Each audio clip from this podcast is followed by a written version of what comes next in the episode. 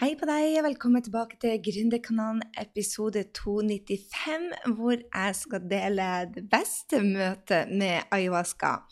Du, hvis du ikke har lytta til episode 294 og 293, så er ikke denne den beste for deg, fordi dette er fortsettelsen.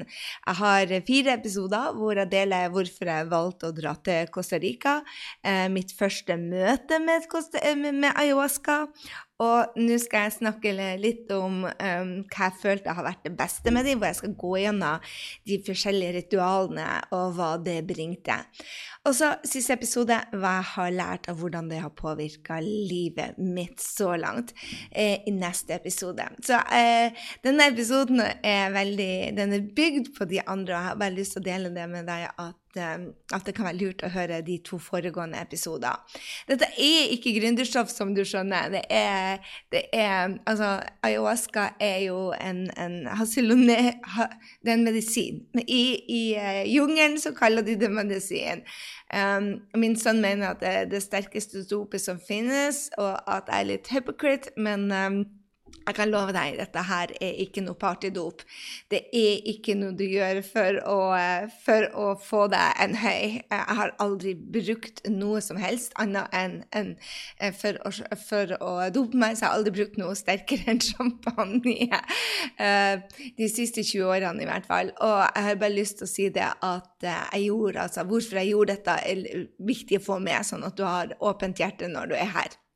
For denne gangen så skal jeg altså gå gjennom de to andre, altså, eller tre andre dagene på retreaten eh, hvor, eh, hvor eh, eh en del gjennombrudd kommer.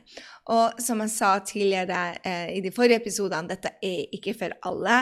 Jeg håper å inspirere til noen nye perspektiver med å dele historien min.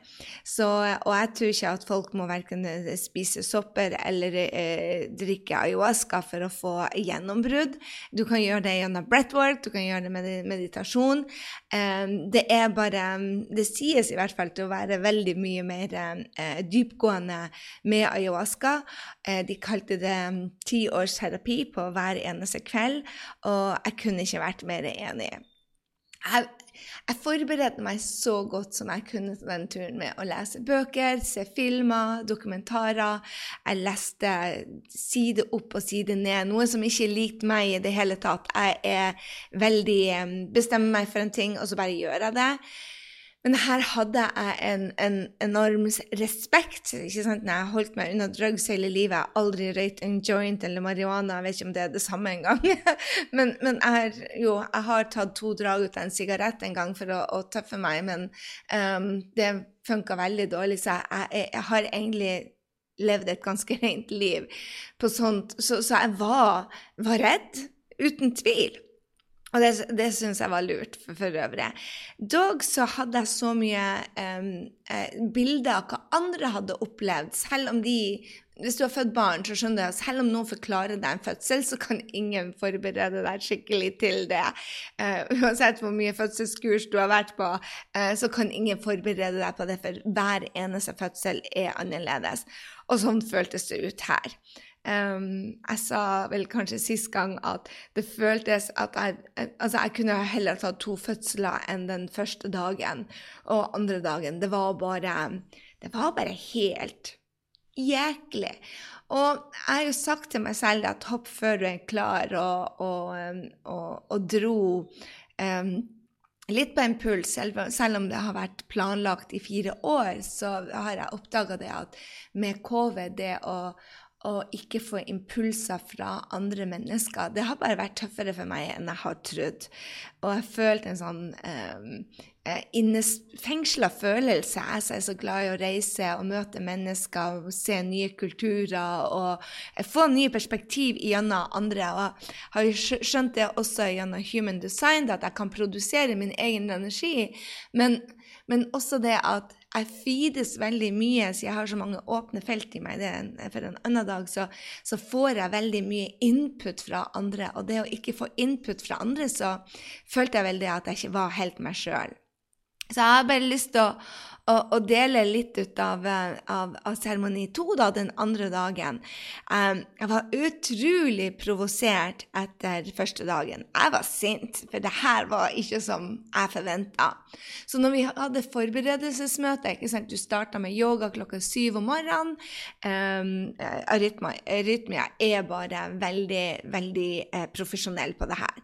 Men, men han lederen, Jerry, som han heter eh, var jo en veldig businessmann, og dette var ikke som jeg forventet, fem stjerners up my butt. ikke sant? Jeg var bare Men jeg hadde en prat da med han og han eh, NK-en, som jeg kaller nestkommanderende, som, som, var den legen som var der. Og, og du skal bli provosert. Eh, og det skal ikke være som forventa. Og at eh, de ba meg gi det en sjanse. Men, men jeg hadde så tvil. For jeg er, jeg er en ganske smart dame, tenkte jeg. Og det her gjorde så vondt, så hvorfor vil man gå igjennom det? Så jeg måtte hele tida sette meg ned og meditere og bare OK, hvis du skal sette intensjonen for det her, show me who I've become, merge me back to my soul, heal my heart. Hvorfor var det så, så grusomt den første gangen? Um, og jeg tror jo det var fordi at det var mye som skulle heales. Uh, show me who I become. Jeg likte ikke det, men var, altså, ayahuasca er ikke for at du skal like det, det er for at du skal heale merge you back to your soul. Så, så, det var Jeg har opplevd mye i livet mitt, som de fleste andre har. Um, og, og, det var bare mye å ta tak i. Og siden jeg hadde den resistance. Altså, så jeg, jeg jobba egentlig mot hele greia, for jeg ville ikke kaste opp, jeg ville ikke kjenne på den smerten istedenfor å, å um, um, ride with it, ikke sant? Så andre gangen jeg tok den, jeg var veldig, veldig, veldig redd. Altså, jeg, jeg pusta, jeg mediterte, jeg var bare redd. Jeg, jeg husker en annen gang Jeg, jeg hoppa fallskjerm første gangen da jeg var eh, par og 20 år. Og jeg sto der ute på, eh, på, eh, på det lille flyet, og han sa det at det var min tur. Jeg sa bare 'who me?' Og han bare 'det er ikke noe andre i dette flyet'. Eh, de andre hadde hoppa. Og så sto jeg der på vingen og skulle ha mitt første eh, frifall. Um, og sånn føltes det når jeg lå på den madrassen det var, jeg hadde pusteproblemer. Jeg lurte på Jeg hadde en samtale bare Hvorfor gjør du det her? Um, liksom, and your freaking great ideas. Um, og, men jeg sto i det. Akkurat som jeg hoppa ut av det flyet og overlevde, så sto jeg i det. Og som du skjønner, jeg overlevde det her òg. Men denne gangen så var det ikke som den andre gangen. Ingen av de gangene du, du tar ayahuasca, blir som den andre gangen. Altså, ti ganger tok jeg ayahuasca, ingen tripper var som, ingen reiser var som den samme. Det var ingen roboter, det var ingen hjerter, det var ingen farge, eh, men det var veldig mange bilder. Jeg spurte jo 'Show me who I become', og jeg fikk utrolig mange bilder fra fortida som, som overraska meg, for de har ikke betydd så mye akkurat der og da. Et av de bildene som, som jeg, eh, jeg, fikk opp, var eh, en av mine beste opplevelser i hodet mitt har vært da jeg møtte en kjæreste som heter Lars. Jeg var 14 og han var 21, så det var jo bare enormt uh, gap mellom oss. Men um, det, det, føltes veldig riktig. Den dagen i dag så tror jeg faktisk det kalles uh, uh, jeg vet ikke hva det kalles når man er med barn, men ikke not good. Men jeg følte meg ikke som et barn, og hadde vel aldri oppført Jeg hadde ikke oppført meg som et barn heller. Så jeg fikk bare mange indikasjoner og bilder på hvordan det forma meg som jeg ikke var klar over. F.eks. at um, de vennene mine de gikk ut på fest og var litt crazy. Men Lars eh, for, sa ikke det, men jeg følte at han forventa at siden han var 21, at jeg skulle være 21. Så jeg begynte å kle meg annerledes, jeg begynte å snakke annerledes. Um, jeg begynte å drikke Sancerre. Kanskje ikke Sancerre, men hvitviner. Um, de brukte ikke å drikke seg full, disse her. Han var 21 og var vel den yngste i den gjengen hans, og de andre vennene hans var uh, en del eldre. og de drakk seg ikke full. De gikk ut og tok et glass vin og dansa og hadde eh, samtaler til langt på natt. Så jeg følte vel at jeg ikke kunne være den jeg var, fordi jeg skulle passe inn der. Og det hadde jo ingenting noe med han sa, det var bare en følelse jeg hadde. Og det bare visste meg det at OK, det var da du begynte En av de gangene du begynte å late som du var en du ikke er, hvor jeg kan, lærte meg å bare være i hvilket som helst miljø og passe inn. Men det gjorde at jeg følte meg som Julia Roberts i den filmen mot uh, Richard Gere, uh, 'Runaway Bride', hvor hun faktisk spiste det de andre spiste. Og ante ikke om hun likte stekt eller kokt egg. Det ante hun ikke, for hun bare spiste og gjorde bare det de andre. Og det har jeg på en måte gjort, selv om jeg er veldig annerledes enn de fleste jeg kjenner, så har jeg likevel tilpasset meg noe helt enormt for å føle at jeg passa inn. Og det har vel kanskje gitt en, en smerte i hjertet for at man føler seg litt broken, enda man ikke er det. Og det var bare det, Ja, jeg fikk veldig mange bilder opp fra det. Eh, jeg ble så syk av denne ayahuascaen at jeg, jeg, jeg, måtte ut av den køen for å bare legge meg når vi skulle ha gang nummer to. Og den natta føltes som et langt, vondt år. Um, og det kom opp hele tida, dette her. Hurt people, hurt people. Og jeg var ikke engang klar over at jeg var en hurt people, men alle har våre traumer. Og da tar vi beslutninger basert på hvor vi har smerter. Og, og det er det jeg fikk se. ikke sant, At jeg, når jeg lå der og forbanna meg sjøl og mine gode påfunn, og forbanna hele fortida, hvem jeg hadde blitt, og madrassen og Aya og de rundt meg Jeg var, jeg lå der i sinne. Så dag to var oh la la, mye, mye verre enn dagen. Men jeg kunne nå se, etter, etter, å ha vært igjennom den første gangen, så kunne jeg se det at um, da jeg kastet opp, hva det representerte. Da jeg gikk på do, diareen, hva det representerte. For jeg spurte meg selv, jeg hadde intensjon, vise meg hvem jeg er blitt. Og jeg, jeg, fikk se alle utfordringene som stod i kø hos meg, og hvorfor jeg var blitt så livredd for å slippe folk inn i livet mitt. Egentlig så oppfatta veldig mange meg som åpen. Fordi at jeg tror de andre er så mye mer lukka enn meg. Men, men, jeg er ikke åpen etter det jeg vet jeg kan være. Og det, var, det ble veldig klar over, klart for meg hvorfor jeg stenger igjen. Vi, ingen vil ha traumer, men da blir det ikke de hele toppene.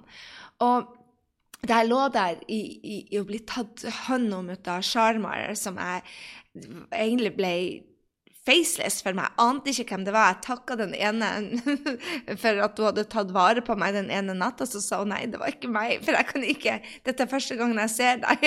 Og, og, og det var så morsomt. Jeg, bare, jeg har aldri følt mer intens kjærlighet i livet mitt, men jeg visste ikke hvem som ga meg den. Det spilte faktisk ingen rolle. Og så tenkte jeg òg bare dømte meg selv på en sånn måte, og kanskje det er det jeg prøver å dele med deg, at kanskje du òg gjør det, at du dømmer deg selv for å være for sjenert eller for mye. Det er det jeg gjør. Uh, enten at jeg prater for mye, eller at jeg er for Ja, at Ja, jeg har så mange high and lows, mens for eksempel uh, Helena og, og, og Henrik, de er mye mer stabile. Og på, på, på ScaleUp så tulla vi det at han Henrik er den snille, eh, snille stabile, tålmodige eh, vikaren. Og det er ikke jeg. Og jeg tenkte bare OK, jeg, jeg elsker det ved Henrik. Oh la la, ingen er så snill som han. Men jeg dømte meg selv for å ikke være han. Hallo! Kan du tenke deg noe sånt? Det er bare ikke meg. Det er ikke mine talenter. Så uten å være klar over det, så dømmer jeg meg selv for å ikke være det jeg ikke engang vil være. Og jeg tror vi gjør det. Du også. Det var så interessant når jeg starta denne opptaket, så tenkte jeg nå har jeg det så på avstand at denne jenta blir ikke felle en tåre. For sist gang så var jeg et mess, og herregud, her sitter jeg igjen. Men jeg tror det er så viktig å få fram at dette handler ikke om meg. Det handler om oss. Deg, de rundt deg, verden. At vi ser noen har noe, og så vil vi ha det. Jeg vil òg være snill. Jeg vil òg være tålmodig. Jeg vil òg være det han har. Men en katt går ikke rundt og skulle ønske hun kunne bjeffe. Hun mjauer for pokker. Så hvorfor ønsker jeg å ha de sidene? Det var, det var egentlig en revolusjon for meg. Og eh, selv om jeg løp på do og lå i fosterstilling og hadde mer vondt den natta enn jeg ever har gått igjennom, så tenkte jeg bare My God, dette er overveldende. Det jeg går igjennom i hverdagen. Går rundt og egentlig jeg vil vel kanskje si at jeg er en, en tiger som liker å brøle, og ikke en katt som mjauer. Men, men jeg, jeg, jeg, vil jo ikke gå rundt og, og, og si pip-pip som en fugl, da. Og det var det jeg følte. At, at jeg har gått rundt i livet mitt og jeg egentlig sett på de som har hatt noe annet enn meg. Ikke vært misunnelig, men egentlig blama meg selv for at jeg ikke klarer å være som de. Og det var bare så interessant at jeg så det, og det fikk øynene opp hva jeg egentlig gjorde i livet mitt. Det var jeg ikke klar over. Kan du tro det? Jeg var ikke klar over det. Men det, det gikk liksom fra de, denne dagen, den dag to var bare Det var den dagen hvor det var bare så mye kjærlighet og så mye smerte. Um, det var helt overveldende.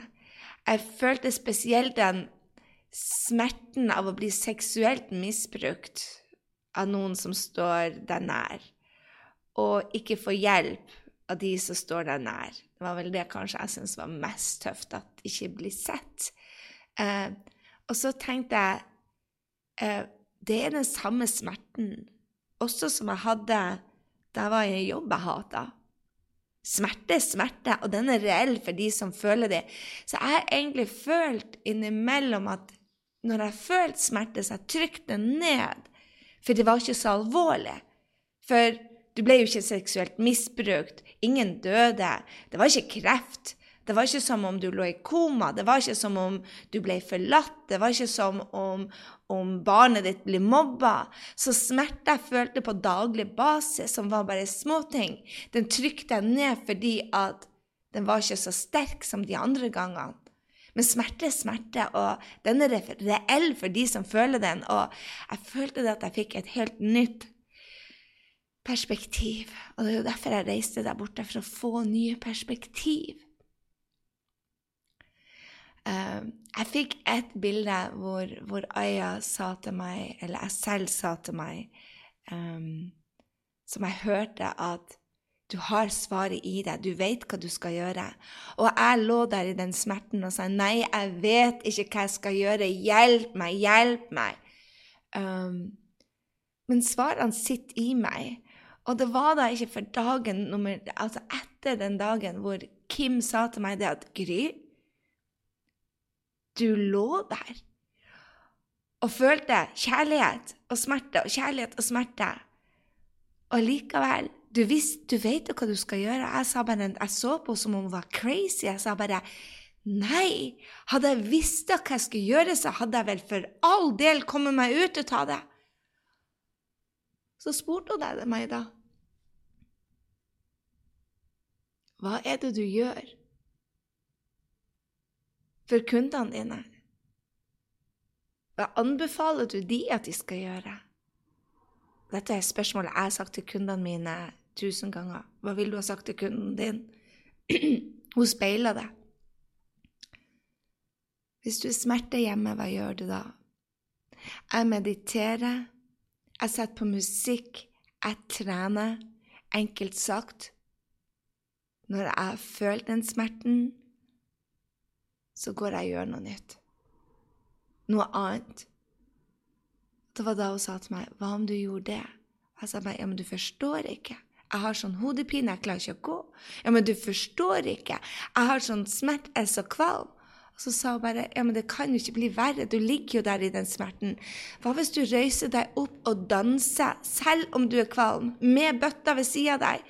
Du, det som skjer da, det er at du transformerer den til at du får oppkastet, til at du får diareen, at det skjer noe nytt. Og jeg bare Oh my God. Så det var det jeg skulle gjøre den tredje dagen. Det var òg en ting som hun sa til meg det at dette er jo triggere. Og jeg fikk masse triggere gjennom hele den uka, og egentlig hadde sett triggere overalt etter det. Hvis du ser på trigger som et nøytralt ord. Trigger som et ord som du kan bli trigga på kjærlighet. Du ser en baby, og du trigger bare en kjærlighet i deg. Eh, Dattera mi, eksempel, hun elsker hunder. Altså, Ser hun en katt, så trigges hun ikke. Ser hun en hund, så bare Hun må bare gå og kose med det. Sånn er jeg på små babyer. Jeg elsker små. Jeg liker å lukte på dem og ta på dem. Oh, jeg er veldig glad i dem fra null til tre måneder. og så Den trigger. Jeg trigger når jeg ser solnedganger. Oh la la. Hjertet mitt akkurat som det blir større. Eller soloppganger. Så triggere. Triggere også på det som provoserer. Det jeg har gjort, og som jeg fikk speila for meg, er det at jeg beskytter meg fra de triggerne. Men det er jo det som er vekst. Kristina Lopez sa til meg um, at vi, vi, unngår triggere. Men, men, det er jo det som Du vet at når du står i en noen La oss si at noen har et sinneanfall, og du står der støtt i deg og sender deg kjærlighet fordi at du ser at de er smerte. Du trenger ikke noe grensesetting da. Du står støtt i deg selv. Og hvis du blir provosert fra Kristina, så er det for at du blir trigga av noe som da du ikke liker i deg selv. Hvor du har et snev ut av det i deg, og du har ikke akseptert det. For hvis du står støtt i deg selv, så preller alt annet det andre gjør, i deg. Men hva gjør jeg for noe? Å nei, det er ikke verdiene mine, så jeg stikker. Å nei, det er ikke sånn jeg vil at folk skal være rundt meg, så jeg stikker. Men, men det er jo et tegn til meg om at det trigger meg. Det skal gjøre noe med meg. Det er en læremester? Skal man gå rundt og lære hele tida? Nei, når du står støtt i deg selv, så lærer du ikke. Du bare er i kjærlighet. Og det var en stor aha til meg. For jeg lar meg provosere, jeg lar meg trigge, jeg lar meg bli sint. Men jeg har ikke vært støtt i meg selv. Nå når jeg så det, så kunne jeg grounde meg selv og bare si bare jeg er her i kjærlighet, og plutselig så ble jeg ikke provosert lenger. Oh my goodness. Jeg føler at jeg har fått en gave. Så hva hvis dette er en gave til deg òg? At når du blir trigga, så det er ikke noe feil med de som trigger deg. Men hva er det det gjør med deg? Hva er det i deg du ikke liker eller tør å se på, eller et traume som du får opp? Hva, hva hvis det er det du skal tak i? og at en person som trigger deg, er en gavepakke, sånn at du kan ta tak i det. Det var bare holy smoke for meg. Altså, hvis du har tankene og trossystemet som sier det at folk gjør så godt de kan, og de er der i kjærlighet, og når de ikke er der, så er det for at de gjenlever et traume. Og hva om du hadde et trossystem som sa det at du sitter ikke på sannheter om hva som er riktige og galt, og gode verdier og dårlige verdier? Du sitter med din sannhet. Hva om du var nysgjerrig hva som gjør at andre tror at det motsatte er best? Hva hvis du er åpen istedenfor beskyttende og defensiv og aggressiv? Hva om du er nysgjerrig? Oh la la, da trenger du ikke grensesetting, for du står støtt i deg selv. Du har mulighet til å endre enhver energigry sin ding, fikk jeg beskjed om. Bruk det. En annen ting som, som Kristina eh, delte med meg, er det at all energi er bare energi. Og du kan tolke den som negativ, og du kan gjøre den til negativ, men du har òg kraften til å transformere den til energi som er bra for deg, som er en kraft, for energi er bare kraft. Og du bestemmer den om den skal dra deg ned, den kraften, eller om den skal dra deg opp. Det har ikke med hva de andre sier å gjøre. Men hvis du driver og beskytter deg for alt det her rundt deg, så går du bare ikke dypere. Grensesetning for meg er blitt bare tull. Jeg trenger bare å stå støtt i meg, og da trenger jeg ikke å sette grenser lenger. Det betyr ikke at jeg oppsøker eh, folk som ikke er bra for meg. Det er noen folk som går gjennom så mye traumer, som trenger å gjøre sin egen healing. Som trenger å gå gjennom sine egne læringsprosesser. Jeg trenger ikke være bestevennen med dem. Men blir jeg trigga negativt, så må jeg se på hva det gjør hos meg, for det ligger ikke hos andre. Da dagen etter delte jeg Det høres ut som det var en veldig fin kveld, det var det absolutt ikke. Um, alle disse aha-opplevelsene kom egentlig etterpå. Det gikk i bølger gjennom smerte, kjærlighet, smerte, kjærlighet, hvor jeg fokuserte på smerten. For når jeg delte opplevelsen med smerten min, jeg, jeg, jeg delte med, med Kim i, i, lunsjen bare, jeg klarer bare ikke en dag til. Jeg må dra. Dette går ikke. Så sa hun til meg hva er det som ikke går, og hva er det du kan velge? ikke sant? Og jeg så jo det. Kim sa det. Hva kunne du ha gjort annerledes? Jeg sa bare jeg klarer ikke, jeg klarer ikke. Men hun minte meg på at jeg kan transformere hva som helst. Så, tenkte jeg bare hva står det i Bli glad-boka mi? Handle blomster, kle meg om, løpe, synge, danse. Alt det som står i Bli glad-boka. Hva ut av de kan jeg bruke nå? Så jeg lå der eh, i migrenesmerte, og hele kroppen min virka. Dag tre. Oh la la. Jeg grua meg ikke så til dag tre, for jeg hadde fått et verktøy som var der hele tida. Men jeg tenkte bare den dag tre, det blir forløsningene. Jeg hadde en intensjon, jeg hadde en forventning at dette skulle bli den beste dagen. Og helle frikken luja, det ble det. Og det lærte meg òg at jeg gjorde akkurat det samme. Jeg tok ayahuasca, jeg gikk gjennom smerte, men jeg hadde et annen intensjon. Jeg hadde en intensjon om hvor vakkert det her skulle bli. Jeg hadde en intensjon med hvor, hvor, hvor mye læring, hvor jeg forventa det beste. Og vet du hva? Det var det jeg fikk. Holy smoke! Det var altså det vakreste jeg noen gang har opplevd. Jeg valgte joy, og jeg fikk joy. Jeg hadde mer diaré, og den natta fikk jeg jo uh, hermorider som blødde. Og uh, by the way, det er gått oh la la, over en måned siden jeg kom hjem, og jeg har fremdeles hermorider. Too much information kanskje for deg, men det vil si altså, jeg, jeg håper du skjønner det, at dette her var eh, Når jeg fødte, så hadde jeg hermorider et par dager. Nå har jeg hatt det en måned. Det, det er bare sånn hvor mye jeg egentlig var på do i løpet av denne uka. Men hadde, Denne gangen så hadde jeg perspektivet som jeg klarte å ta innover meg. What, what's coming is going. Jeg kvitta meg med traumer. Det var samme dritten, men jeg hadde et nytt perspektiv. Oh la la. Så jeg, jeg, var mye mer våken under seremoni tre. Det var den feminine kvelden, by the way. Um, vi dansa. Å, guri malla, jeg hadde sånn hodepine, jeg hadde sånn rie. Jeg ble trøsta og vugga, og jeg krøp. De ga meg olje på mage og brystet mitt, og de spytta peppermint på hodet og nakken min, og alt gikk i slow motion. Men jeg følte at for første gang jeg ble over, over Altså, denne gangen var en shower of love. De første gangene følte jeg Dag én og to følte jeg så mye kjærlighet som jeg ikke hadde. Nå hadde jeg seks sjarmaner som sto rundt meg.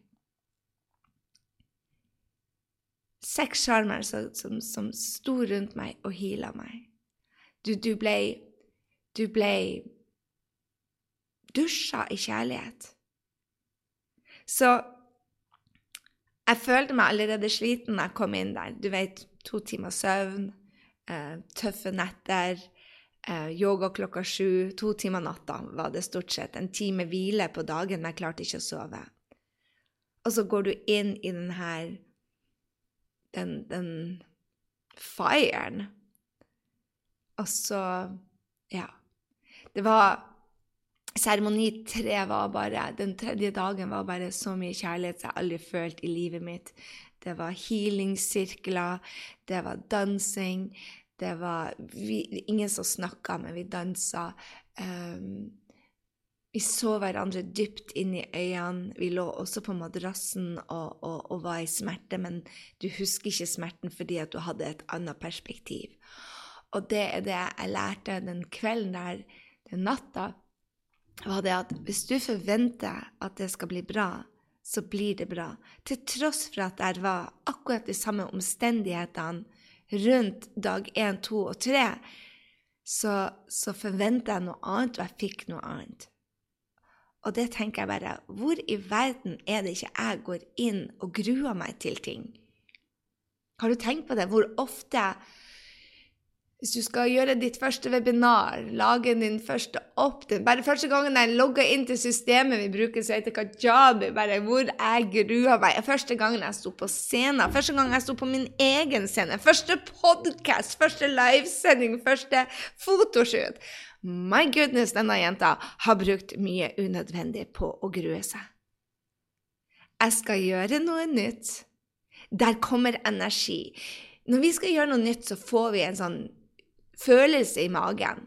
Det er den akkurat samme følelsen som når du hopper fallskjerm eller bungee-jumper eller kjører rollercoaster på, på, på, på sirkus, holdt jeg på å si. Det er bare energi. Men hvis du putter dette at du skal få læring, og du skal få joy, og du skal utvikle deg, så er det det du får, og det bare var en sånn ha.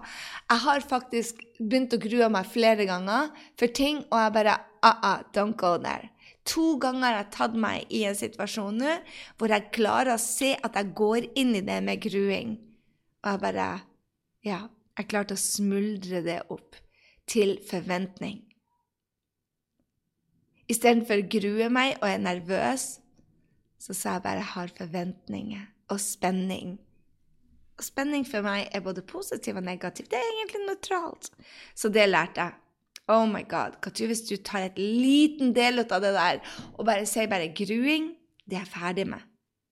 Det er bare energi, og jeg kan transformere den når som helst. Etter den natta så følte jeg det at jeg vil ikke være Hvis jeg var en fisk, så vil ikke jeg være en fugl. En katt vil ikke bjeffe jeg er ferdig med å streve etter å være noe annet enn den jeg er. Og da jeg dansa, så hadde jeg øynene lukka, og jeg følte at jeg for første gang kunne gi slipp. Og jeg aner ikke hvordan jeg dansa. Jeg bare så det at når jeg åpna øynene mine, at jeg dansa helt annerledes enn noen av de andre. Og det føltes så deilig. Jeg så dem for det de var, og jeg så meg for det jeg var. Og jeg prøvde ikke å danse som de, imitere de. For jeg trodde kanskje de var bedre dansere. Jeg dansa som meg, og vet du hva? Det er det vi må gjøre i livet. La fisk være fisk. Blopp, blopp. Og ikke prøve å være fisk. Jeg har sett på de rundt meg med en større nysgjerrighet for deres talenter etter det her, og det har gjort godt. Så seremoni fire. Jeg var utrolig bekymra for denne, for det er siden den mest intense dagen, og jeg tenkte bare my god, dette her har vel vært mer intens enn jeg noen gang kunne oppleve. Og så skal denne være dette brygget fra Colombia som har vært gjemt fra Vesten. Altså, ayahuasca kom, men denne bryggen vi fikk, som jeg ikke engang husker hva heter, det var bare, den var bare helt crazy sterk, sa de. Så uh, ja. Jeg tok med et ekstra skift, for jeg hadde som sagt mye hemoroider. Jeg hadde vært på do, og folk sa dette er i gang. If you're gonna shit your pants, this is the time. Jeg hadde hørt mange skrekkhistorier, så jeg sa bare OK, jeg tok meg ekstraskift. Um, og den den, den, lukta fra alle de seremoniene med røkelse og der er, det, altså, Du kan tenke deg når alle ligger og kaster opp, så, så, så er, du kjenner ikke kaste-opp-lukta, du kjenner seremonilukta, flammer og bål og essenser, og gud vet det er sånn spesielt lukt.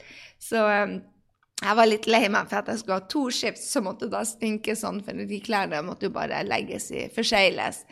Men, men jeg hadde en intensjon jeg gikk inn der. Vis hvem um, hvorfor jeg er her, og hvem jeg må bli. Hvem, hvem skal jeg bli som leder for mitt eget liv? Men da jeg tok den, så fikk jeg bare litt kvalme. Det sterkeste av det sterkeste, oh la la. Vet du hva, jeg hørte ikke de andre kaste opp engang. Det var bare De andre sa det at det var så jæklig at de klarte ikke. Men jeg fikk bare prikking i hele kroppen og kjærlighet. Og så begynte plutselig det knekke rundt i knappen. Kneet mitt smalt så høyt at jeg plutselig trodde jeg hadde brukket noe. Og nesen begynte å vokse. Og plutselig så følte det som om jeg hadde smådyr inni kroppen. Så, så medisinen, ayahuascaen, jobba med meg fysisk den dagen. Og det var først dagen etter jeg forsto hva som skjedde. Jeg fikk det de kaller sånn operasjoner. Nesen min har hatt mye eksem inni og, og, rundt seg, så jeg klør meg mye på nesen. Jeg har det faktisk fremdeles. Jeg fikk det tilbake etter jeg kom hjem. Eh, skuldra mi hadde jeg vært til fysio og naprapat, og eh, jeg kunne ikke engang få massasje mas det, eller bevege den fordi at jeg har en problem. Ikke, funnet, ingen har funnet ut hva det er for noe. knærne mine hadde masse utfordringer lenge. Jeg hadde en blå kul på forsida av leggen og blodtredelse over åtte uker. Og noe har brukket inni der. Jeg sa til Henrik at jeg trodde det var noe som hadde grovd skjevt, så det var vondt å ha til og med på sko. Og når jeg tar på meg joggeskoene, så har jeg knapt kunnet ta dem på uten å grine. Og plutselig så var det som om det stoppa opp. Det var som om noen gikk inn i kroppen min, noen smådyr, og gjorde det at ja, det fiksa seg. Jeg fikk også beskjed i hodet mitt om at allergiene mine var borte. Og du vil ikke tro det, kanskje, men jeg har vært ekstremt allergisk for hunder og hester, apekatter og elefanter. Ja, de har hår, de òg.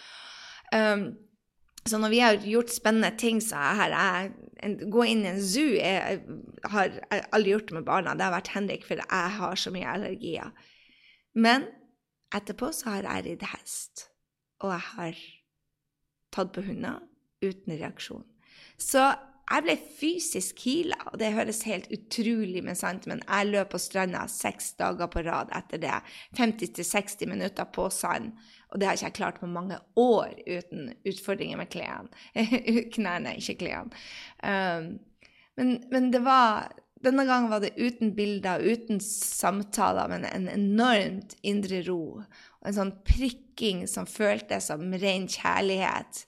Jeg følte at jeg fløyt på en sky, eh, mens rundt meg var det dødshyl og oppkastbrøl. Men jeg ble bare ikke påvirka. Jeg sto så sterkt i meg selv, og det var bare bakgrunnsstøy som prella av meg, mens andre sa det at vet du hva, de, de klarte ikke å være i det. Så det var første koppen ut av den sterke. Så jeg tenkte dette det funka jo ikke, for jeg lå jo der og hadde det bra, og jeg hadde forventninger at det skulle være jævlig. Så når jeg fikk andre eh, kopp, så kjente jeg det at eh, jeg, en sterk kvalme. Og da tenkte jeg at hm, Gry, du trenger ikke å ligge på madrassen og lide. Så jeg gikk ut. Um, og i det jeg kom ut, hvor det ikke var folk til å hjelpe deg, så datt jeg bare sammen eh, klarte å krabbe meg til doet og fikk en oppkast av diaré så sterkt at jeg trodde at min siste time var kommet. Um, men det var bare den siste resten som skulle ut. Jeg følte det at universet sa det at det som du ikke gagner deg lenger, skal ut. Så jeg var superklare i hodet når jeg gikk tilbake til madrassen. Og der lå vi da eh, på madrassen hvor vi da skulle få en healingssirkel med alle sjarmene. Og vi kom 25 kvinner i en sirkel da og fikk healing. og altså, liksom, Du blir spytta på og heala, og det er sånne ting. Proteksjoner, proteksjoner.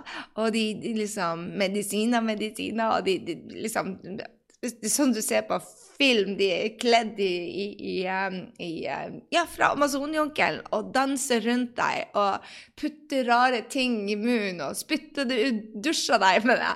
Det var helt crazy. Det var lukta røkelse, og det var Det var bare helt nydelig. Helt nydelig. Så mye kjærlighet, så mye lettelse. Du, du følte deg som du gikk ned 30 kilo. Midt i dette så var det en som hadde en crazy reise. Hallusinerte, og det gikk ikke så bra. Og han begynte å trenge seg inn i sirkelen hans. Han skjønte ikke hva som skjedde. Um, visste ikke at vi var bare kvinner. Han trodde han skulle redde sønnen sin, eller noe sånt, men han hadde en totalklikk. Og det måtte ti stykker for å overmanne han, og det hadde ingenting med meg å gjøre. Men selvfølgelig ble jeg trigga. Så på slutten så sa Sharman Han ba oss sende oss etter vi var ferdige, så sa han at han Nei, ikke etter vi var ferdige, mens vi holdt på. Um, så sa han send han kjærlighet. Men jeg ville bare angripe, ta igjen. Um, jeg ble banka da i et tidligere forhold, og jeg hadde ikke tilgitt meg sjøl for å være så dum og ikke gå, så nå vil jeg sette grenser. Um, altså, gruppa sa dette var den, den, denne gruppa var den tøffeste de ever hadde hatt. De hadde aldri sett noe lignende. Det var tøft for teamet. Men når jeg kom opp for den tredje koppen, så jeg var frustrert at jeg ikke kunne være der i kjærlighet. Jeg var frustrert fordi at jeg skjønte ikke hva som hadde skjedd, egentlig at det var healing og operasjoner jeg. Jeg bare lå der og kjente småprikking, og som om det var folk under meg. Jeg hadde forventa noe annet. Første dagen etter skjønte jeg resultatet. Um, ja. Så at eksemen var borte, og at jeg kunne plutselig gå uten smerter. Den siste gangen så spurte de meg hvordan føler du Jeg sa det som sikkert, jeg bare føler ikke så mye som jeg fikk da en sterkere, sterkere dose. Oh la la. Vi var vel fem-seks ut av de 80 som fikk denne. Men jeg fikk faktisk ingen reaksjon.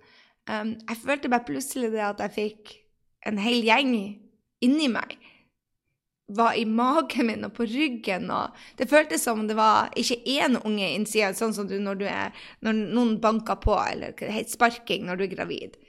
Så føler du som om du har en alien inni deg. I hvert fall gjorde jeg det. Nå følte jeg som jeg hadde en hel gjeng. Det var ingen oppkast, bare masse energi. Så vi kom altså inn til denne seremonien klokka kvart over syv, og vi var ferdig klokka kvart over ti på morgenen. Jeg var gira og utslitt på samme tid. Um, det var Den siste dagen så følte jeg liksom det at jeg hadde fått healing fysisk. Fysisk på kroppen. Uh, mens den dag tre var heala hjertet mitt. Og vi hadde breathwork, og mange hadde masse breakthroughs through breathwork på ettermiddagen og dagen etter. Eh, og jeg bare sovna. Jeg sov gjennom hele, og noen brølte, og jeg lå og sov gjennom brøl. Jeg som da har sovet dårlig hele mitt liv, jeg kunne nå sove gjennom folk som hadde de høyeste brølene ever. Jeg var bare utlada. Så jeg må si Ayahuasca dag én, to, tre og fire. Ingen turer var som den samme. Jeg hadde ti, ti ganger jeg tok medisin. Noe forskjellig skjedde. Det jeg tror um, Jeg tror det som Jeg fikk nye perspektiver hver eneste dag. Hver eneste dag fikk jeg et nytt perspektiv, og det var vel det jeg reiste for å lære å se nye perspektiver. Ikke være så satt i den personen jeg er blitt, for det er så mye ut av den jeg er blitt som jeg ikke har bruk for lenger. Jeg trenger å ta av meg. Jeg føler at jeg er en 50-årsutvikling. Noen kaller det 50-årskrise. Jeg syns 50 år er fantastisk. Jeg har fått meg så mange vaner og så mye rutiner og så mye eh, tanker som jeg ikke har behov for lenger. Jeg trenger å ta det av meg. Jeg ble kvitt mye dritt i livet mitt, bokstavelig talt. Og eh, jeg har fått noen nye perspektiver på livet. Jeg har fått noen nye perspektiver på læring. Jeg har fått nye perspektiver på meg selv.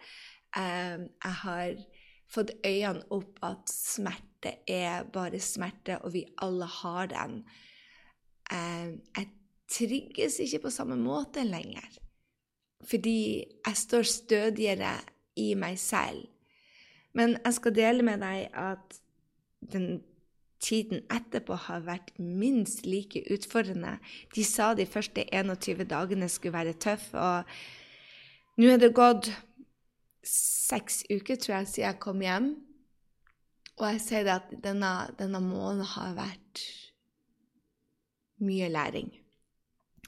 Utrolig mye kjærlighet, mange breakthroughs. Men dette er ikke en medisin som du tar og blir ferdig det har egentlig bare preparert meg for den neste reisen. Jeg trodde at når jeg kom tilbake, så skulle jeg være et nytt og bedre menneske, og alt skulle føles lettere. Det gjør det ikke. Og det var jeg veldig overraska over. Jeg er blitt bedre til å håndtere de utfordringer som kommer med jeg i min naivitet. Um, og jeg sier ikke det som en negativ I min naivitet, jeg kan ikke engang si ordet, så trodde jeg at nå ville livet bli lett. Men det er ikke sånn det funker. Jo mer du vokser, jo mer ser du. Spørsmålet er hele tida gjennom livet hvordan er vi vi håndterer den informasjonen vi får, de opplevelsene vi får. Hvordan håndterer du det du får mot deg? i kjærlighet? Eller gjør du som meg, satt opp masse grenser så jeg slapp å deale med det? Oh la la. Jeg skal dele Fredagen ble eh, prosessert ved bassenget. Jeg hadde masse fine samtaler med de andre. Jeg følte det at jeg tilhørte noe. Eh, og vi besluttet oss til å ta, dra til en plass som heter Tanmarinho sammen med to andre. Eh, en av de andre Jeg trodde jeg hadde leid hotellet selv for natta, men han spanderte for eh, ti, alle sammen. Og um, vi dro altså dagen etter til den byen. Eh, og eh, ja. Jeg fikk masse, masse læring der òg. Jeg gikk masse turer på stranda og eh, gjør det jeg ofte gjør. Trekk meg unna, går inn. Trekk meg unna, går inn. Men det føltes greit, og jeg var ikke redd for å bli dømt for det. Jeg torde å være meg, sammen med andre mennesker. Egentlig kanskje for første gang på så lenge jeg husker. Så um, der har du det. Da var jeg gjennom alle ayahuasca-retreatene mine. Nå skal jeg ta en liten pause, og så skal jeg dele med deg hvordan de topp ti læringene jeg tar ut av det. En liten sånn oppsummering. Og ikke minst hvordan det har prega de dagene etter. Hva jeg ser hos andre. Eh, og hvordan jeg må lære meg å håndtere andre sine smerter, ikke mine, men la dem gå gjennom det selv. Og faktisk distansere meg for det. Det handler ikke om å sette opp grenser, men det handler om å eie din rolle og ikke ta innover deg andres læringsprosesser og skal redde andre. Det har vært utfordrende for meg. Som coach, i hvert fall. Det var det jeg hadde til deg. Jeg håper dette har vært lærerikt for deg. Det er ikke for å Jeg deler denne reisen for meg fordi at jeg har lyst til å, å åpne andre for at eh, smerte er smerte, kjærlighet er kjærlighet, og vi er her for å, å dele mer kjærlighet. Vi er her for å vise hverandre veien. Lære hverandre ting. Og hvis du da åpner øynene og ser at alle er mennesker, og grensesetting er egentlig bare å stenge ute de som kanskje trenger oss,